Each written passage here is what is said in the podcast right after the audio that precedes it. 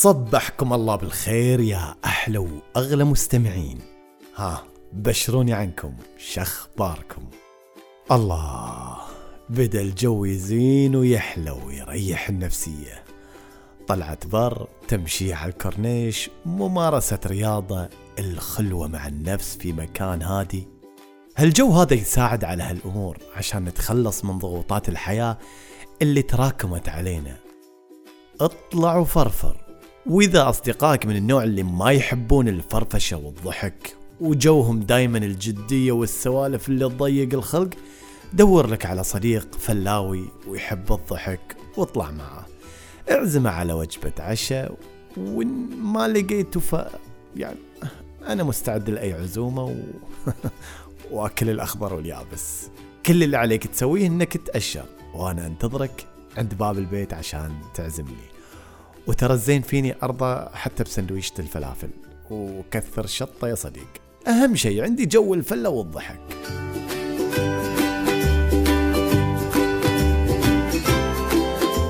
خلونا نبدأ حلقتنا اليوم اللي من إعداد مبدعتنا كالعادة أمل المعيني من الإمارات العربية المتحدة واللي عودتنا من أول حلقة عدتها على الكلام الحلو والإيجابي والمفيد.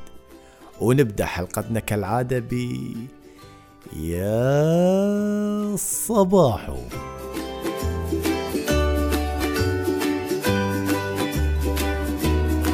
في كثير من الأحيان إحنا البشر نتعرض لضغوطات والضغوطات هذه تكون مختلفة. منها ضغوطات الحياة بشكل عام ضغوطات العمل وعشان الطلبة ما يقولون إن نسيناهم وضغوطات الدراسة والامتحانات. الكثير من هالضغوطات هذه إحنا البشر نواجهها. وهذه الضغوطات إذا الشخص ما تكلم عنها ولا نفس عنها أو طلع طاقته في أي شيء آخر راح تتكون له تراكمات والتراكمات تكون نتيجة ضغوطات لفترة زمنية طويلة وتختلف من شخص لآخر. عادي تراكمات من أسبوع أو تراكمات من شهر أو تراكمات سنين طويلة. كل شخص وقدرته على التحمل. وطبعا الضغوطات شنو تنتج أو شنو تولد؟ عزيزي المستمع فكر معاي وقول أول كلمة تطري على بالك. الضغط يولد. آه آه عرفت؟ يا سلام عليك. الضغط يولد الانفجار.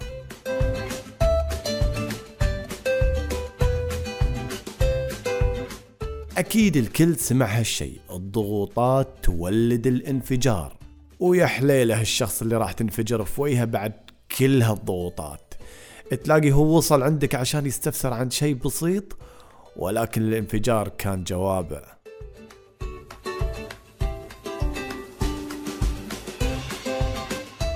خلينا نفكر شوي ونقول ليش الإنسان يوقع أو يوضع نفسه في هذه الضغوطات والتوتر. ناخذ على سبيل المثال شخص موظف في شركة وكان فترة طويلة يشتغل ويجتهد لكن فجأة طرأ تغيير مفاجئ وفي فترة قصيرة عليه إنه يصير تغيير في الشركة وفي عمله بالتحديد وعند أسبوع يطلع بفكرة مبتكرة. خليك معاي. وفكر أغلب الناس إذا تعرضت لهالمواقف شنو التصرف اللي راح تتصرفه؟ فكر شوي وراجع لك.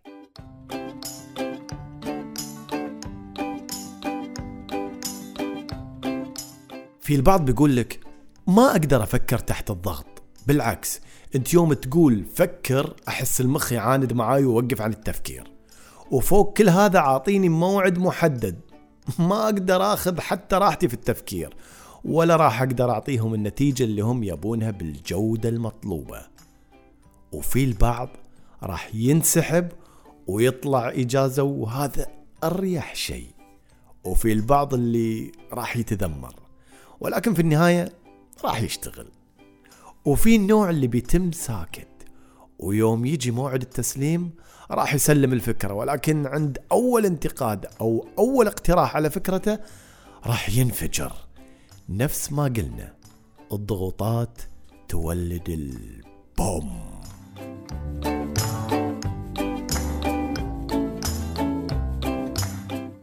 النوع الأخير هو اللي راح يستغل هذا الضغط بشكل صحيح. وعلشان نكون واقعيين أكيد الإنسان تكون عنده أمور ثانية في حياته غير التفكير في العمل. أنت عزيزي المستمع خليك صريح وقول لي أنت مع أي فئة راح تكون؟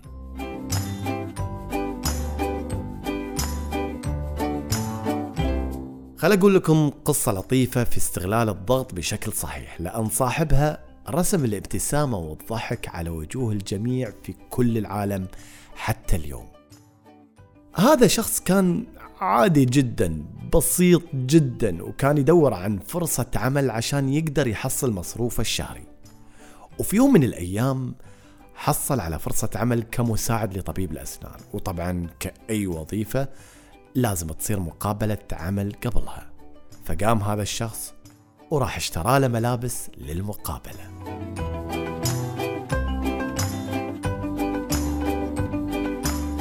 في يوم المقابلة صحى هذا الشخص مبكر وراح لبس ملابس الكشخة اللي اشتراها خصيصا لهذه المقابلة. وكان على أتم الاستعداد وفي قمة الثقة بالنفس. جهز نفسه للمقابلة. لكن في شيء كان مفقود ألا وهي محفظته. المشكلة مو هني. المشكلة بطاقته الشخصية في هذه المحفظة والمشكلة الأكبر انه ما يقدر يدخل المقابلة إلا إذا كانت معاه بطاقته الشخصية. راح يدور عنها في كل مكان في غرفته ولكن من دون أي فايدة. ما شاف شيء وكان باقي على مقابلته أربعين دقيقة فقط. وفي وضعه كان لازم ياخذ باص عشان يوصله لأن مكان عمله بعيد جدا وهو ما عنده سيارة. ولو راح بدون بطاقته ما راح يعرفون إنه هو هذا الشخص اللي نادوه للمقابلة. وإذا تم يدور عن البطاقة راح يتأخر عن المقابلة. يا الله قد كسر خاطري والله.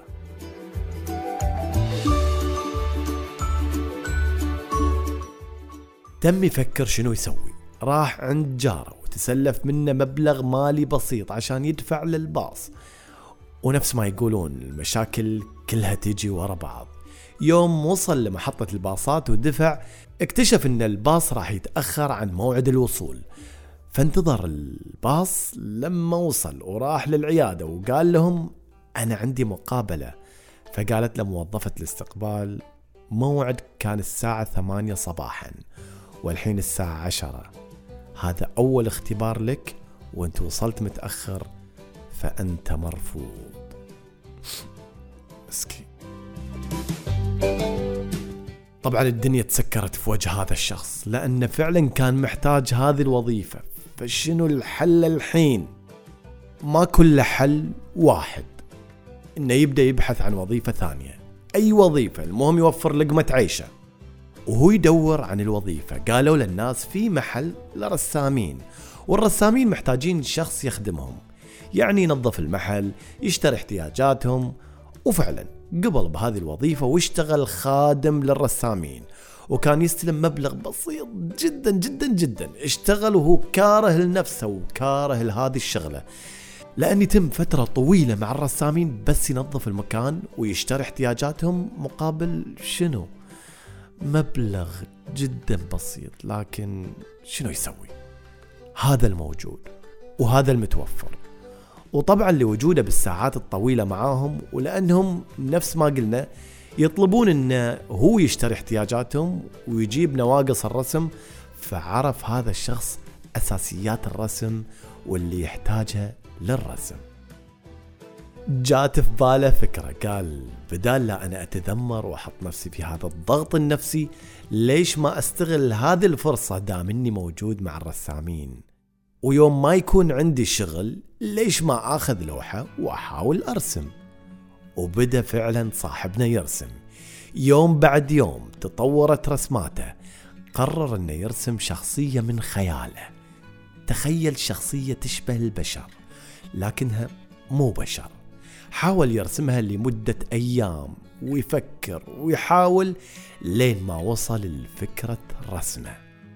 بعد ما رسمها صارت هذه الشخصية من أشهر الشخصيات في العالم. بدأها بالورق ثم انتقلت للتلفزيون ومن ثم إلى السينما. بدأت هذه الشخصية من عام 1958 ميلادي إلى يومنا هذا. يا ترى منو هذا الشخص؟ ومنو هذه الشخصية اللي الكل يعرفها من الصغير إلى الكبير.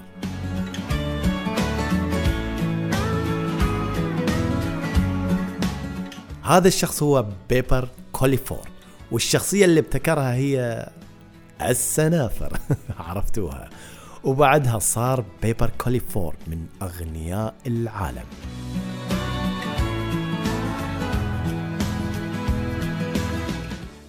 إحنا دائما نتعرض لمثل هالضغوطات والتغيير في المسار اللي إحنا راسمينه لأنفسنا.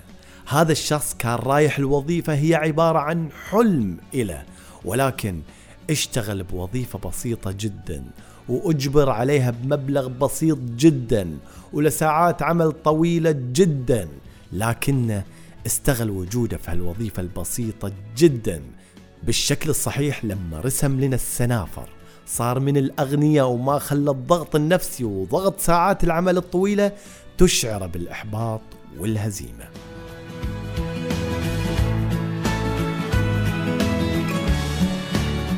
في هذا الوقت أنا قررت أغير الجملة المعتادة واللي كلنا متعودين عليها ونستخدمها دوما كأول عذر يوم يتعذر علينا عمل أي شيء جديد مختلف ومبتكر.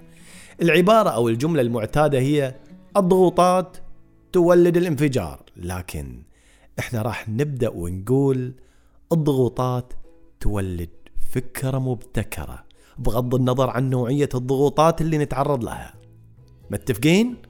اتفقنا خلاص.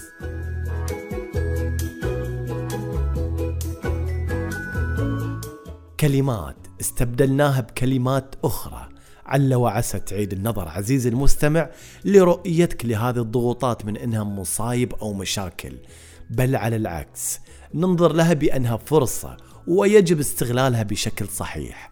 حتى تتميز عن غيرك وتنجح في مواجهة أي تحدي طارئ يصيبك. وتذكر عزيزي المستمع أن اليوم هو غدا والذي كنت قلقا عليه بالأمس.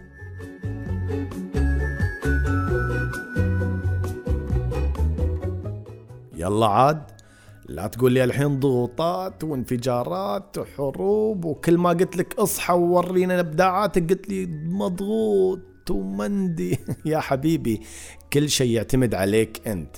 انت اللي قادر تتحكم في الضغوطات وتخليها تشتغل لصالحك عشان تبتكر شيء يولد هذا الضغط.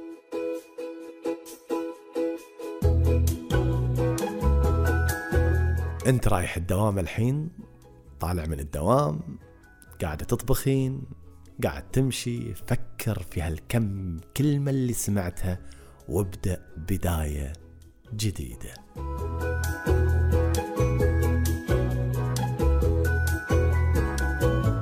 وصلنا لنهاية حلقتنا. خليكم الحين بعد ما أتمنى لكم يوم جميل مثل جمال قلوبكم ورائع مثل روعة استماعكم. فمان الله ويا صباحو.